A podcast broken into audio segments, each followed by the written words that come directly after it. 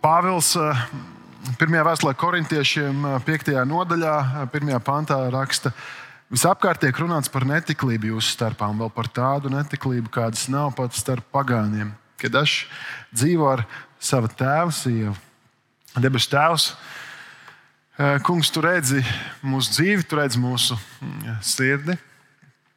Kungs, un tu redzi gan izaicinājumus, gan uzvaras. Kungs, Jēzu, un uh, tu mūs aicini uz svētdzīvi. Tu mūs pieņem tādus, kādi mēs esam, ar kļūdām, ar pagātni, ar, uh, ar sāpēm un vainām, bet uh, tu mūs aicini uz svētdzīvi, uz pārmaiņām.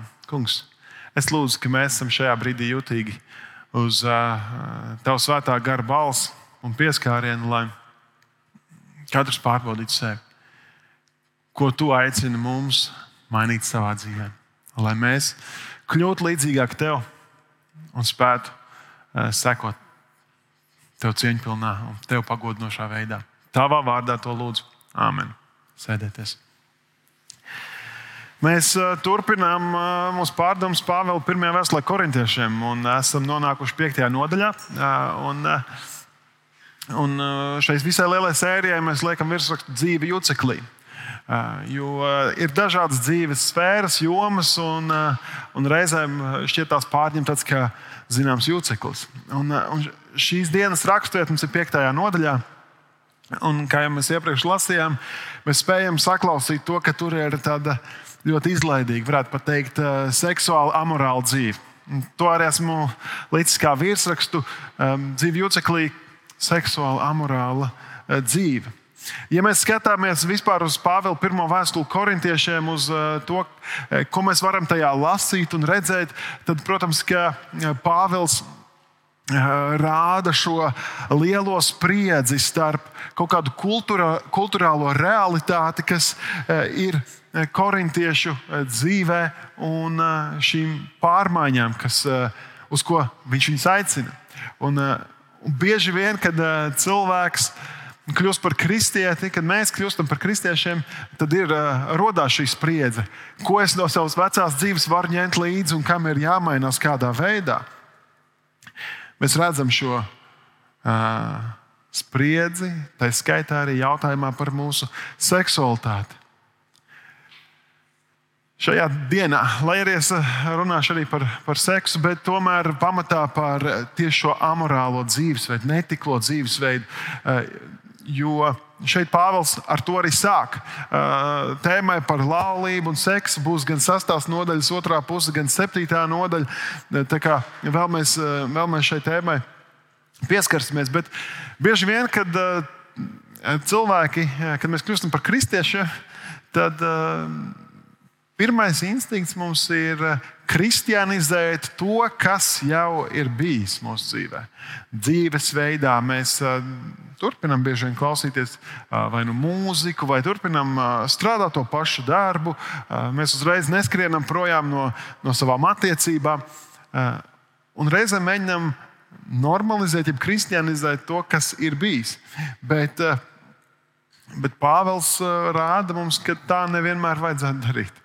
Kad tieši otrādi mums vajadzētu pāršķirt jaunu lapu, ka mums vajadzētu, um, uzticoties Dievam, sākt visu no sākuma. Un, eh, ja mēs runājam tieši par, par seksualitāti, tad mēs redzam, ka mūsdienu laikmets, eh, vieta, kurā mēs esam, 21. gadsimts, rietumu, rietumu kultūrā, eh, mums tā, tas vēstījums, ko mēs saņemam, ir tāds, ka nav nepareizi veidi, kā izdzīvot savu seksualitāti. Lai arī kāds būtu tas veids, vienalga, vai, vai tas būtu tradicionālā veidā, kā mēs kristīgā um, baznīcā to uztveram, vai tas būtu uh, homoseksuālisks dzīvesveids, vai tas būtu uh, teikt, brīvs attiecību modelis, kur maina partneris vienu pēc otra. Un, un liekas, nu, sabiedrība saka, Dari, kā tu vēlies, kamēr tu nesāpini, nedari pāri nevienam, vai, vai um, neaizskar bērnus, tikmēr viss ir kārtībā. Un, uh, tā teikt, nelien manā guļamistabā, es nelīdīšu tavā. Un reizēm mēs arī, kā kristieši, esam paņēmuši šo modeli un, un labprāt turpinām tā dzīvot. Nelien manā guļamistabā, es nelīdīšu tavā. Mēs neuzdodam šos neērtos jautājumus viens otram reizēm. Un, un, un pieņemam, ka viss ir kārtībā tādā veidā. Bet, um, bet Dievs mums rāda, ja mēs skatāmies Bībeli, ja mēs rūpīgi lasām uh, to, kas ir rakstīts Bībelē, gan vecā darbā, gan jaunajā darbā, uh, mēs redzam, ka ir kaut kāds Dieva standarts, pēc kāda modeļa būtu jādzīvo. Pēc kāda modeļa būtu jāizdzīvo mūsu seksualitāte, mūsu, um, kā būtu jābūvē mūsu ģimene, kā tai ir jāizskatās. Pēc seksuālās revolūcijas 60. Eh, gados Amerikā diezgan daudz ir. Mēs jūtam tādu uh, vēlmi no sabiedrībā, kultūrā uh, nojaukt kaut kādus iepriekšējos standartus, vai robežas, vai, vai sētas nogāzt, kuras ir bijušas. Un reizēm pat neuzdodot jautājumu, kāpēc? Kāpēc tā ir vai kāpēc tā nav? Angļu rakstnieks un teologs Gilberts Kits Chestertons. Viņš sacīja apmēram šādu. Ja tu kādreiz plāno nojaukt žogu, pārliecinies, ka tu zini, kāpēc tas tur sākotnēji ir ticis uzstādīts. Mēs esam gatavi bieži vien nojaukt dažādas žogus, normas, neuzdodot līdzi līdz galam jautājumu, kāpēc tas ir bijis. Kāds ir labums no tā bijis vēsturiski, un vai, varbūt man ir svarīgi to tomēr paturēt. Mēs tomēr dzirdam bieži vien, ka ierobežojumi, tas tradicionālais modelis, kā mēs skaidrojam eh, seksualitāti, tas ir novecojis, tas ierobežo manu brīvību, tas ir slikts pēc noklusējuma. Bet, ja mēs iepazīstam Dievu vairāk, mēs zinām, ka Viņš vēl mums labu, ka Viņš grib mums labu, ka Viņš eh, rūpējās par mums. Ja mēs uh, mēģinām klausīties, ko sabiedrība saka, viņi bieži vien uh, uzsver, uh, Jūs esat pret. Kristieši, jūs, baznīca, jūs esat pret to, ka cilvēki iepazīst sevi un citus, iepazīst seksualitāti, atklāj to. Un tomēr mēs, ja mēs rūpīgāk lasītu savu Bībeli un arī atbildētu pasaulē par to, tad mēs redzētu, ka tā gluži nav šeit pat 7. nodaļā. Es mazliet ieskatīšos, jo 7. nodaļa būs reizē, kad mums būs televīzijas dievkalpojums. Tur es domāju, ka mācīties Edgars ļoti plaši nevarēs katrā pantā ieskatīties, tāpēc es atļaušos pirmos trīs nolasīt jums. Par to, ko jūs rakstījāt, ir labi vīrietim atturēties no sievietes, bet, lai izvairītos no netiklības, tad no mūsu šīs dienas tēmas, katrs lai iet pēc savas sievas un katra lai iet pie sava vīra. Vīrs, lai pilda laulības pienākumu pret savu sievu, tāpat arī sieva pret savu vīru. Tad, tad eh, mēs saprotam, ka Pāvils ļoti skaidri rekomendē, lai kristiešiem, draudzē, lai viņiem ģimenes kontekstā veselīgā veidā ieturot šos eh, dieva principus, kā ir jāveido ģimene, ir regulāra, aktīva, normāla seksuālā dzīve. Un tā tam būtu jābūt. Patiesībā Eh, kristietību Pāvils līdz ar to varam teikt, ir par to. Eh, par seksu, nevis tā kā pasaule mums mēģina pateikt. Eh, Mārtiņš Luters, viņš esot rakstījis apmēram šādu: Seks divreiz nedēļā, tur kārdinātāji pa gabalu. Tad, tad arī viņš iestājās gan pret um, pret katoļu baznīcas uh, celibāta uh, tradīciju un paralēli kādiem uh, nevisai smukiem notikumiem, ar kuriem, man liekas, katoļu baznīca vēl šad un tad viņiem nākās cīnīties. Bet, uh, ja mēs arī skatāmies un teiktu, nē, nē, nē, baznīca ir novecojusi, Bībele ir novecojusi, Mārtiņš Luters vispār ir uh, pirms 500 gadiem miris, tad uh, mēs varam ieskatīties uh, socioloģijā. Un socioloģijā dažādos pētījumos varam atrast un ieraudzīt to, ka um, konservatīvi, protestantu pāri daudz atzinīgāk vērtē savu seksuālo dzīvi nekā sekulārā sabiedrība, kur ir pilnīga brīvība, var ņemt jebko, izvēlēties, kas tik tev patīk. Kamēr kristieši saka, mūsu seksuālā, seksuālās dzīves kvalitāte ir augstāka. Tas ir tādēļ, ka Dievs saviem bērniem dod to labāko. Tas formāts un veids, kādu eh, Dievs ir iecerējis ģimenei, cilvēkam, ir vislabākais. Jo, ja mēs eh, mēģinām paši izgudrot divriteni un atklāt kaut ko ļoti iespējams, mēs kaut ko salaidīsim dēlī. Bet, ja mēs dodamies pie uh, ražotāja, kurš ir izstrādājis šo zemi, šo pasauli un cilvēku tajā, pie dieva, tad loģiski, ka mēs spējam eh, atrast labāko modeli, un tas ir viens vīrietis, viena sieviete, drošā vidē, jeb laulībā. Jūs būsiet laimīgi. Jūs būsiet laimīgi. Tas ir tā, kā Dievs ir iekārtojis, un tā tam ir jāfunkcionē. Un tomēr, ja mēs dzīvojam bez Dieva, tad mēs bieži vien nedzīvojam pēc viņa noteikumiem. Mēs meklējam dažādus izceļus, mēs domājam, ka šie, šie žogi, šīs sētas, ierobežojumi, noteikumi mūs apspiež un neļauj izdzīvot to patieso brīvību, kura es esmu pelnījis. Un mēs izdzīvojam arī savu seksualitāti bieži vien līdz ar to nepareizi. Līdz ar to mēs sāpinam sevi un mēs sāpinam citus. Bet kā lai mēs viens otram palīdzam? Jo, jo seksualitāte šodien ir mūsu visprivātākā, intīmākā dzīves daļa, par ko mēs nedalāmies ar citiem. Tā ir tikai mana privātā darīšana. Un, zināmā mērā es to saprotu. Un es domāju, ka tas būtu atgādni, ja mēs tagad staigātu un visiem stāstītu par savām uh, uzvarām un zaudējumiem seksuālā jomā. Tas būtu mazliet atgādni, bet te pašā laikā ja mēs redzam, ka kāds mūsu mīļais, vai mēs paši, ja mēs krītam un uh, sāpinam sevi un citus, tad mums ir jāmeklē palīdzība, mums ir jāmēģina rast risinājums, jādzīvo pēc tā, ko Dievs ir mums iecerējis. Un, un, diemžēl šis pasaules redzējums par to, kā būtu jāizdzīvo uh, seksualitāte, ienāk arī baznīcā. Mēs varam sargāt, kā mēs gribam. Mums tas nav izdevies. Mēs redzam, ka tāpat kristieši pāršķirās. Mēs redzam, ka tāpat jauni cilvēki pirms laulības eh, stājas seksuālās attiecībās un, un eh, nesargā savu šķīstību kā visvērtāko, visdārgāko. Mēs tāpat redzam, ka kristieši eh, gan ārpus laulības, gan laulības kontekstā cīnās ar pornogrāfijas atkarību. Mēs redzam, ka mēdz būt kādi sānsoļi vai, vai kādas citas cīņas. Tad jautājums ir, kā mums ar to, kā mums pastāvēt. Pasaule saka, ka viss kārtībā. Tā jau ir tikai tava miesa, tas jau ir tikai tavs personīgā, intīmā dzīve, un kā tu saproti, tā dari. Bet redz, mēs saprotam arī to, ka tā gluži nav, kā Bībele ir iecerējusi. Tas nav tas, ko Dievs ir iecerējis mūsu dzīvē. Mēs ilgojamies pēc kaut kā vairāk, bet nevienmēr spējam to izdzīvot tādā veidā. Un, un pasaule pie tam vēl teiks, ja tu sāksi kādam kratīt ar pirkstu, vienalga vai tas būs par viņa izvēlēm uh, šajā dzīves jomā vai kādā citā, pasaule teiks, nē, nē, nē baznīca, jums taču ir visi jāmīl, jums visi ir jāpieņem, viss ir jāizlaiks, ka jūs neredzat šīs problēmas. Un, un, un tad jau viss pats atrisināsies. Bet Pāvils diezgan šeit tas.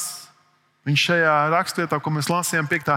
nodaļā, viņš, viņš pat ir gatavs uh, šo seksuāli amorālo uh, cilvēku izraidīt no draudzes, nodot sātanam miesas uh, iznīcināšanai.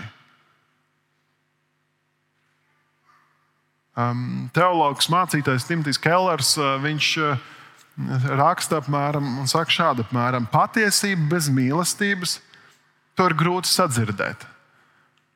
Bet mīlestība bez patiesības ir tikai sentimentalitāte. Tad, ja mēs vienkārši uzgrūžam šo nastu cilvēkam un sakam, tu esi grēcinieks, tu to nespēji, tu nekad nesa, nebūsi labāks un tu ej tikai uz elli, viņš to nespēja sadzirdēt. Viņš tieši otrādi iestājās pretpozīcijā. Kamēr ja mēs vienkārši visus pieņemam, visus mīlam, viss ir kārtībā, neatkarīgi no tā, kāda ir tava dzīve, tad nekad nevirzies uz priekšu. Tad mēs vienkārši radām tādu viltus ilūziju, ka viss ir kārtībā. Te pašā laikā Pāvils mums aicina mazliet konfrontēt šīs problēmas. Atgriezīsimies mazliet pie, pie Korintas. Mēs neesam diezgan tālu tikuši par pirmo pantu. Bet, Pāvils, kā es redzu, Korintas draudzē pārmeta divas lietas šajā nodaļā, uz kurām mēs arī arī fokusēsimies. Izlasīsim vēlreiz 5. nodaļas pirmo pantu. Visapkārt tiek runāts par netiklību jūsu starpā, un vēl par tādu netiklību, kādas nav pat starp pagāniem, kad dažs dzīvo ar tēva sievu. Tad mēs redzam, ka ir kāds vīrietis, kurš dzīvo ar savu um, sava tēva sievu, kas nav viņa māte, jo tad viņa tiktu uzrunāta par māti. Uh, vai nu viņa māte ir mirusi, vai viņa vecāki ir šķīrušies. Mēs nezinām šīs nianses, bet, uh, bet tā ir viņa pamāte. Tā nav viņa, uh, viņa mamma. Bet, jebkurā gadījumā, tā ir viena ģimene. Tas ir viens, viens um, ģimenes veidojums. Un, uh, ja mēs skatāmies uz šo netiklību, kas parādās, tad mums jāierauga arī Korintas konteksts mazliet. Korinta uh, nebija uh, pilsēta visaugstākajiem morālajiem standartiem. Korinta tieši otrādi Romas impērijas ietvaros, ja kāds gribēja kādam aizrādīt par tādu ļoti izlaidīgu, amorālu dzīvesveidu, viņam teica, o, tu izskaties, ja tu uzvedies kā korintietis. Korinta bija Ostas pilsēta, tur bija daudz jūrnieki ar tam līdzējošām sekām. Tur bija dievietai Artemīdai par godu celts templis. Un vēsturnieki pētnieki saka, ka Artemīdas templī esot kalpojuši apmēram tūkstots priesterienes, jeb tempļa prostitūts. Cilvēki gāja, gan vīrieši, gan sievietes, pie, pie šīm tempļa prostitūtēm, piedalījās dažādās orģijās un seksuālās seksuālās darbībās, maksāja viņām kaut kādu maksu, un tādā veidā tika uzturēts šis templis. Pie tam tika uzskatīts, ka tādā veidā tu kalpo šai dievībai. Kādi, kādi pat esot rakstījuši un runājuši tajā laikā, ka ne katrs vīrietis var atļauties ceļojumu uz Korintu. Ne jau tāpēc, ka viņam būtu kaut kādas morālas atbildības pret sava, saviem policējiem, ģimeni tā, bet tāpēc, ka vienkārši bija ļoti dārgi. Um, vēl mums jāsaprot, ka Korintas draudzene aug šajā, veidojās šajā pilsētā ar šādu fonu. Korintas draudzene veidojās pamatā no nejūdiem. Tātad no pagāniem, no cilvēkiem, kuriem nav vecās derības, jeb ebreju ētikas, morāles normas, saprotamas un pazīstamas. Un liekas, ko mēs daudz no viņiem varētu prasīt? Un tomēr šeit Pāvils, eh, Pāvils pārmet šim vīrietim, ka pat pie pagāniem nav tik slikti kā pie jums. Un viņš izceļ šo īpašo gadījumu, kur notiek burtiski incests, ģimenes kontekstā notiek seksuāls. Um, seksuālas eh, darbības. Eh, pat Romas likumdošana esot iestājusies pret, pret šāda veida netiklību. Tas viņiem nav bijis pat pieņemams. Un tomēr draudzē tas viss ir kārtībā. Un, un arī pašā Romas impērijā mēs nevaram teikt, ka viņi varētu lepoties ar visaugstākajiem morāles standartiem. Eh, kādi eh, esot eh, pētīšana saka, ka no Romas imperatoriem 14 vai 15 esot bijuši pedofili. Kas ne, kam nevajadzētu būt milzīgam pārsteigumam, zinot grieķiskos filozofus, kuriem arī ļoti bieži bija šāda izpratne par dzīvi. Un, Grieķiskajā filozofijā tas ir loģiski, tāpēc ka miesa un gars ir pilnīgi nodalītas daļas. Tas, ko es daru ar savu iznīcīgo miesu, tas pilnībā neietekmē to, kas notiek manā sirdī, manā prātā, manā garā. Un, un tāpēc arī viņiem tas var šķist pieņemami, normāli. Jo šodien es guļu ar vienu cilvēku, dienā, nākamā dienā ar citu. Tas pilnīgi nekādā veidā to neietekmē. Un līdz ar to arī pirmie kristieši Korintas draugā var dzīvot amorālu dzīvesveidu un kaut kādā veidā sevi attaisnot, sakot, nē, nē, viss ir kārtībā. Viss taču ir kārtībā. Galvenais, ka man dvēsele, ka man, ka man sirds pieder uh, Jēzum, ka, ka Dievs, ir, Dievs ir manā sirdī. Mēs reizēm sabiedrībā dzirdam, ka kāds saka, es. Mm, Esmu garīgs, bet ne reliģijos cilvēks. Apmēram līdzīgas lietas mēģinot pateikt. Es nevēlos iesaistīties eh, tajos principos, neiedziļinos tajos likumos un normās, pēc kādām man vajadzētu dzīvot. Bet es esmu garīgs, es ticu kaut kam lielam, garīgākam, pārpasaulīgam, kaut kādam uh, dievam. Godīgi sakot, mūsdienu filozofija ir ļoti grieķiska tajā ziņā. Uh, Mēs arī sakām, mans ķermenis neietekmē manu dvēselisko pasauli. Mēs redzam, ka bieži vien tajās nozarēs, kur būtu jābūt tādai dvēseliskai, garīgai, mākslinieckai izpausmē, tur ir vislielākās kaut kādas seksuālās orģijas un, un, un atkāpes no morālajām normām. Bet, ja mēs ieskatāmies, kāds ir Dieva plāns, Dievs, kurš vēl mums vislabāko. Un tas caurvijās visai Bībelē, no tās sākuma līdz pat atklāsmes grāmatai. Un, un pirmā mūža grāmatā, otrajā nodaļā, Dievs rada vīrieti, Dievs rada sievieti. Viņš dod vīrietim uzdevumu nosaukt dzīvniekus vārdā, viņš viņam liek būt radošam, un, un viņš rada sievieti. Un, uh, Un tad ir 24. pāns, kur rakstīts, tāpēc vīrs pametīs savu tēvu un māti un pieķersies savai sievai, un viņi būs viena miesa. Tātad, eh, protams, ka, protams, ka viņi kļūst viena miesa, bet nevis fiziski, ka viņi vairs nespēja atrauties, ka viņi būtu salipuši. Viņi redz, ka viņi turpina, var, var eh, turpināt funkcionēt arī eh, katrs par sevi. Bet, bet tajā brīdī, kad vīrietis un sieviete ir kopā seksuālā tuvībā, notiek kaut kas vairāk nekā fizisks akts, bet notiek arī kaut kāda garīga savienošanās. Tas maina mūsu sirdi, tas maina mūsu smadzenes, tas maina mūsu uztveri, tas maina ļoti daudz ko. Bija pētījums Vācijā, kur, kur precētiem vīriešiem rādīja dažādu sieviešu bildes, kuras bieži vien bija līdzīgas viņu sievai. Bet vienalga, tajā brīdī, kad vīrietis ieraudzīja savu sievas bildi, viņam sāk gaismiņa mirgot prātā.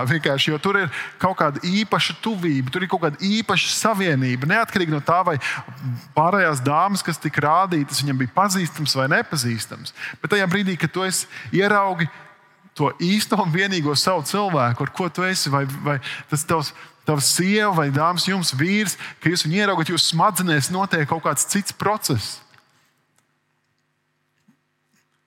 Dievišķā patiesība ir tāda, ka mēs kļūstam caur seksuālu tuvību par vienu miesu. Līdz ar to netiklība ir kaut kas, kas mūs plēš kopā, kas ne, ne, nefunkcionē pēc eh, dieva standarta. Un tam nevajadzētu tā turpināties. Ja mēs ieskatāmies, kas ir otra lieta, ko, ko Pāvils pārmet Korintai, tad es teiktu, ka tā ir lepnība. Jo jūs redzat, pirmajā pantā visapkārt tiek runāts par netiklību jūsu starpā. Tad tas nav tā, ka tas vīrietis kaut kā īpaši um, kaunās par to, ka tā būtu viņam kāda cīņa vai kaut kāds vienreizējs grēks. Tas mūsdienās tas būtu regulāri bilžu likšana Instagram, Facebook un lepošanās ar to. Visapkārt tiek runāts par netiklību jūsu starpā un vēl par tādu netiklību, kādas nav pat starp pagāniem, ka daži dzīvo ar savu tēvu, sievu. Otrais pants - turklāt jūs esat uzpūtīgi un nepavisam nebēdājat par to lai tas, kas tā rīkojas, tiktu padzīts no jūsu vidus. Tas izklausās pēc, mazie, pēc tādiem pusauģu puišiem, eh, kuri pirmdienas rītā sanāk kopā un stāsta, kurš lielāks podus ir sagāzis. Vai, vai, vai jauniem, es, nezinu, es neesmu bijis tādā meitiņu kompānijā, ko, ko pirmdienu rītos runā, bet puiši bieži vien runā, cik viņi ir kādā balītē, cik ir piedzērušies, ar kādu dāmu viņi ir, eh, viņi, viņi ir pārgulējuši un tā, tādas lietas. Un liekas, te izklausās līdzīgi, jūs esat uzpūtīgi par to. Jūs vispār nenosodat, jūs nesatraucaties par to, kas notiek ar šo cilvēku. Un viena no lietām ir iespējams, ka tā ir vienaldzība. Tā ir vienaldzība, jo, jūs, jo tev ir vienalga, kas notiek ar to otru. Kāds var, var teikt, nu jā, bet tagad jau tā visi dara. Nu, Korintieši varētu teikt, jā, bet tāds izlaidīgs dzīvesveids, Pāvēl, tev tur, Jūdejā, Izrēlā, tur nu, jums, ebrejiem, nav saprotams. Mēs esam progresīvi, moderni, mēs, mēs tā visi dzīvojam, viss ir kārtībā. Bet kristietībai nav jābūt šādā veidā progresīvai un modernai. Jo pasaule ir grēcīga un kritus. Mēs varam izlasīt šeit, pat 5. nodaļā, 9. līdz 11. pāntu. Viņš raksta, es jums vēstulē rakstīju, lai jūs nesējieties ar netikļiem un nedomāju ar šīs pasaules netikļiem, vai alkatīgiem un laupītājiem, vai elku pielūdzējiem vispār. Tad jau jums vajadzētu šo pasauli panest. Es jums rakstīju, nesajieties ar tādu, kas gan saucas brālis, bet ir netikls vai alkatīgs, tāds, kas kalpo elkiem, kas runā rupjības, ir dzērājs vai laupītājs ar tādu pat nēdiet kopā.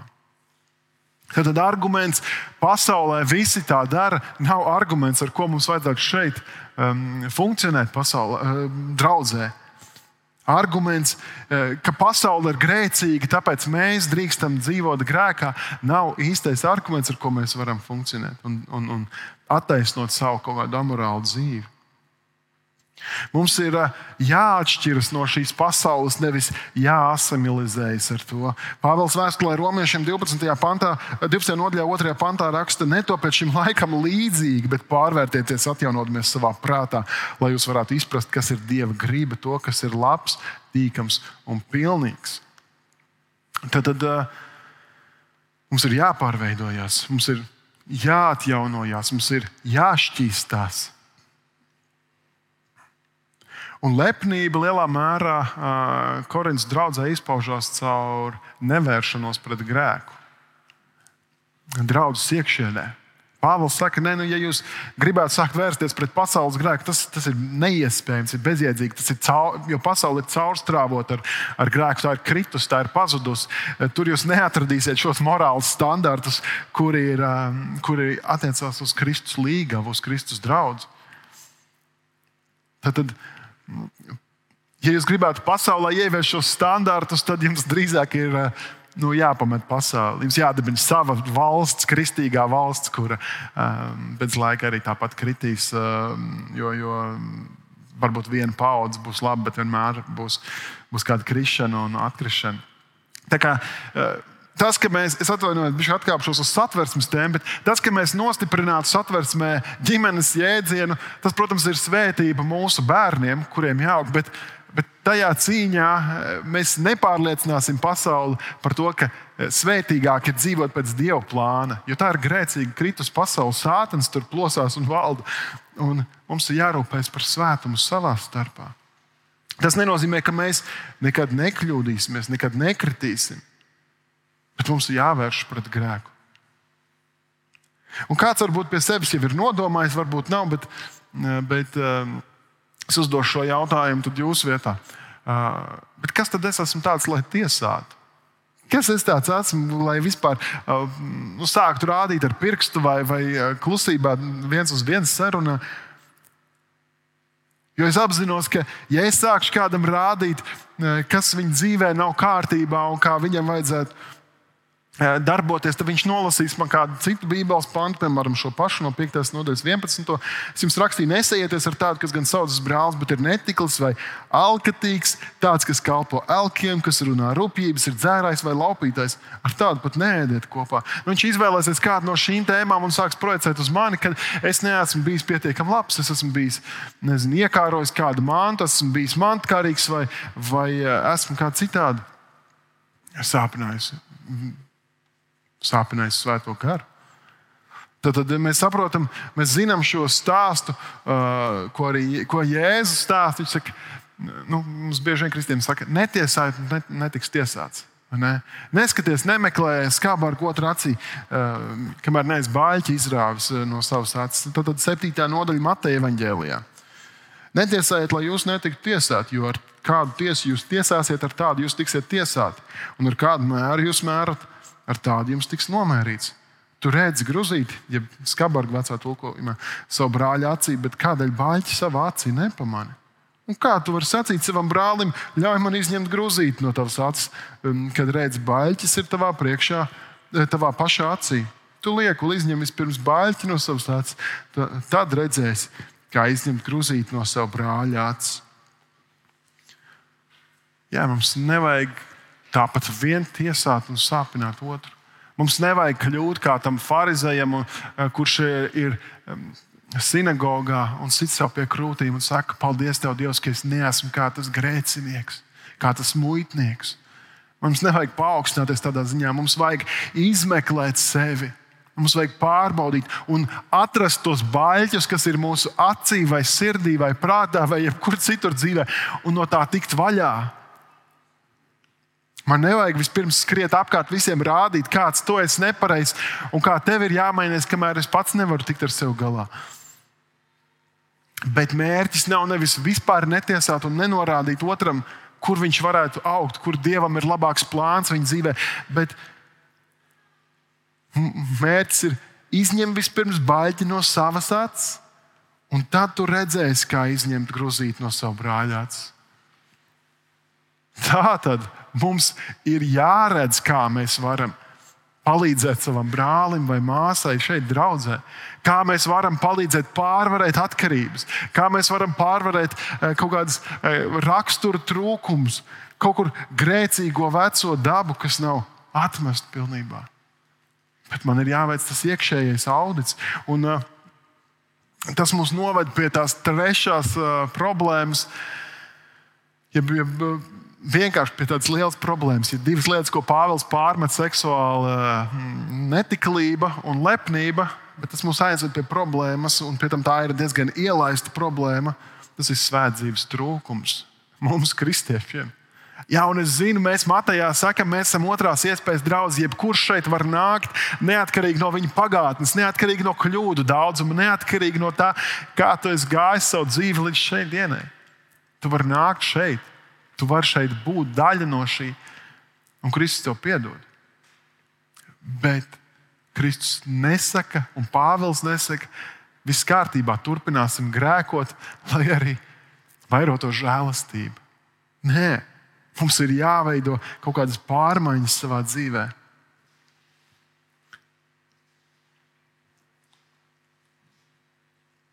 Pāvils saka, tādus par šo vīrieti. Viņš saka, tādus vajadzētu izraidīt no draudzes, nodot sātanam, lai viņš iznīcina viņu miesu un tu bišķiņi izjūti to sāpi, kā ir, kad tevi atraida.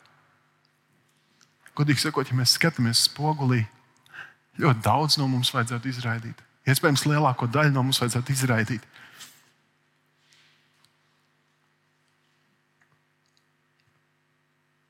Mēs esam skrējuši pasaulē pārāk bieži pakaļ daudz cītīgāk.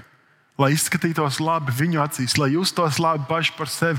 Mēs esam skrējuši pasaulē pakaļ daudz cītīgāk nekā zinušies Kristum pakaļ. Lai kļūtu svēti, lai stāvētu pretī ļaunumam, lai būtu šķīsti. Mēs esam sev iestāstījuši, ka viss ir kārtībā. Viss ir kārtībā. Es varu turpināt dzīvot grēkā, es varu turpināt uh, darīt jebko. Piektdienas vakarā piedzerties un, un doties ar jebkuru meiteni, jebkuru, nezinot, kā tas viss beigsies. Un viss kārtībā. Svētdien atnāks uz baznīcu, viņš saliks rociņas, nolaidīs kaunpilnu actiņas un viss kārtībā. Jēzus piedos. Jā, Jēzus piedos. Bet katram grēkam ir sekas. Izplostīta, izpostīta, izvagota mūsu sirds un prāts, ka mēs nespējam vairs normāli funkcionēt.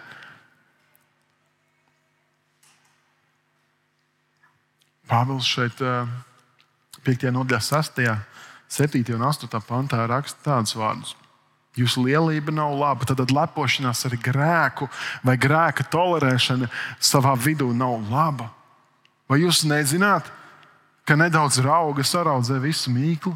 Izmēziet veco augu, lai jūs būtu jauna mīkla, kāda jūs jau arī esat bez rauga. Mūsu paskas jērs Kristus taču ir par mums upurēts. Tā kā svētkus lai svinam nevis ar veco augu, ļaunumu un samaitātības augu, bet ar skaidrības un patiesības neraudzēto maizi. Šeit Pāvils iedod iespējams korintiešiem nevisai labi saprotamu līdzību, jo viņš runā par paskā jēru un par neraudzētas maizes svētkiem. Paskā mums mazliet vairāk pazīstams, pazīstams koncepts. Tas ir stāsts, kā Izraēla tauta ir Eģiptes verdzībā, un Mozus nāk un faraonam stāsta par atlaidu manu tautu, un tur ir šīs mocības un dažādas um, problēmas Eģiptei, un, un kā beigās viņš saka, uh, nāks nāves eņģelis, nokaus katrā namā pirmdzimto. Tāpēc nokauj nevainīgu jēru, aptriep ar asinīm durvju ailes, logu ailes, un nāves eņģelis ies tev garām. Un tad viņš to dara, tā ir, kad uh, nāves eņģelis nāk, mirst ļoti daudz, gan lopi, gan bērni, eģiptiešu uh, ģimenēs. Uh, un saimniecībās, un ebreju bērni un ebreju ģimenes ir pasargāts. Šis ir šis paskā jērs, apsardzība. Un tas ir tas, kas tiek piedzīvots Kristu pilnīgā mērā, ka Viņš izlaiž savus asins, lai mēs varētu tikt pasargāti no nāves, no pilnīgas pazudināšanas.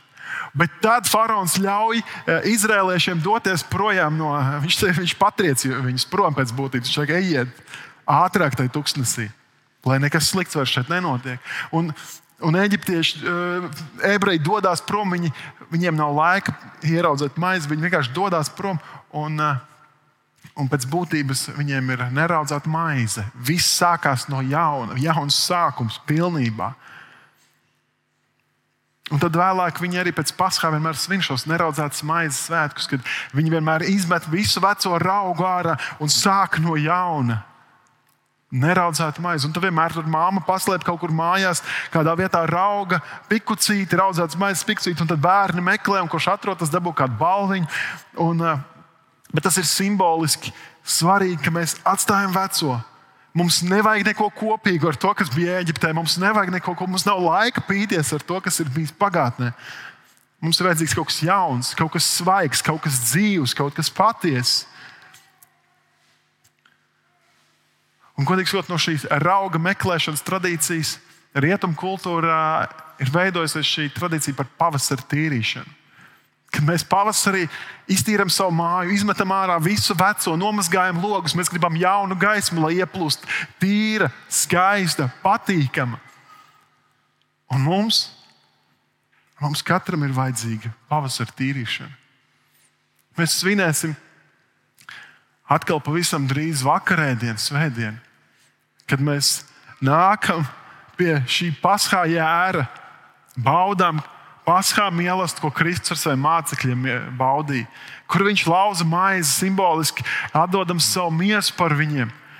Kur viņš deva uh, biķeri, kur mēs baudām vīnogu sulu, kas simboliski mums atgādina par Jēzus Kristus izlietiem asinīm, par tevi, par mani, par mūsu grēku.